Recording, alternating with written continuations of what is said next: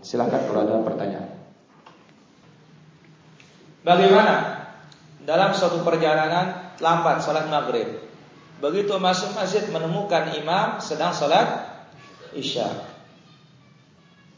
Saya dahulukan isya dulu dengan maghrib. Boleh? Boleh, tidak menjadi masalah. Tetapi afdalnya tetap maghrib duluan. Lantas bagaimanakah caranya kalau mengikuti imam? Kalau dia sudah pada rakaat kedua imamnya tidak boleh ikut sudah.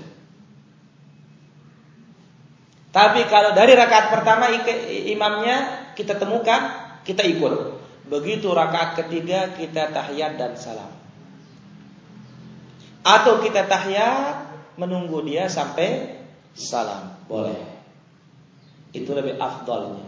Tetapi saat kata isya duluan tidak menjadi masalah. Ya. Ini dia dijelaskan oleh para ulama kita. Allah taala. Berapa jauh jaraknya untuk menjama? Kalau menjama, ya tergantung kebutuhan.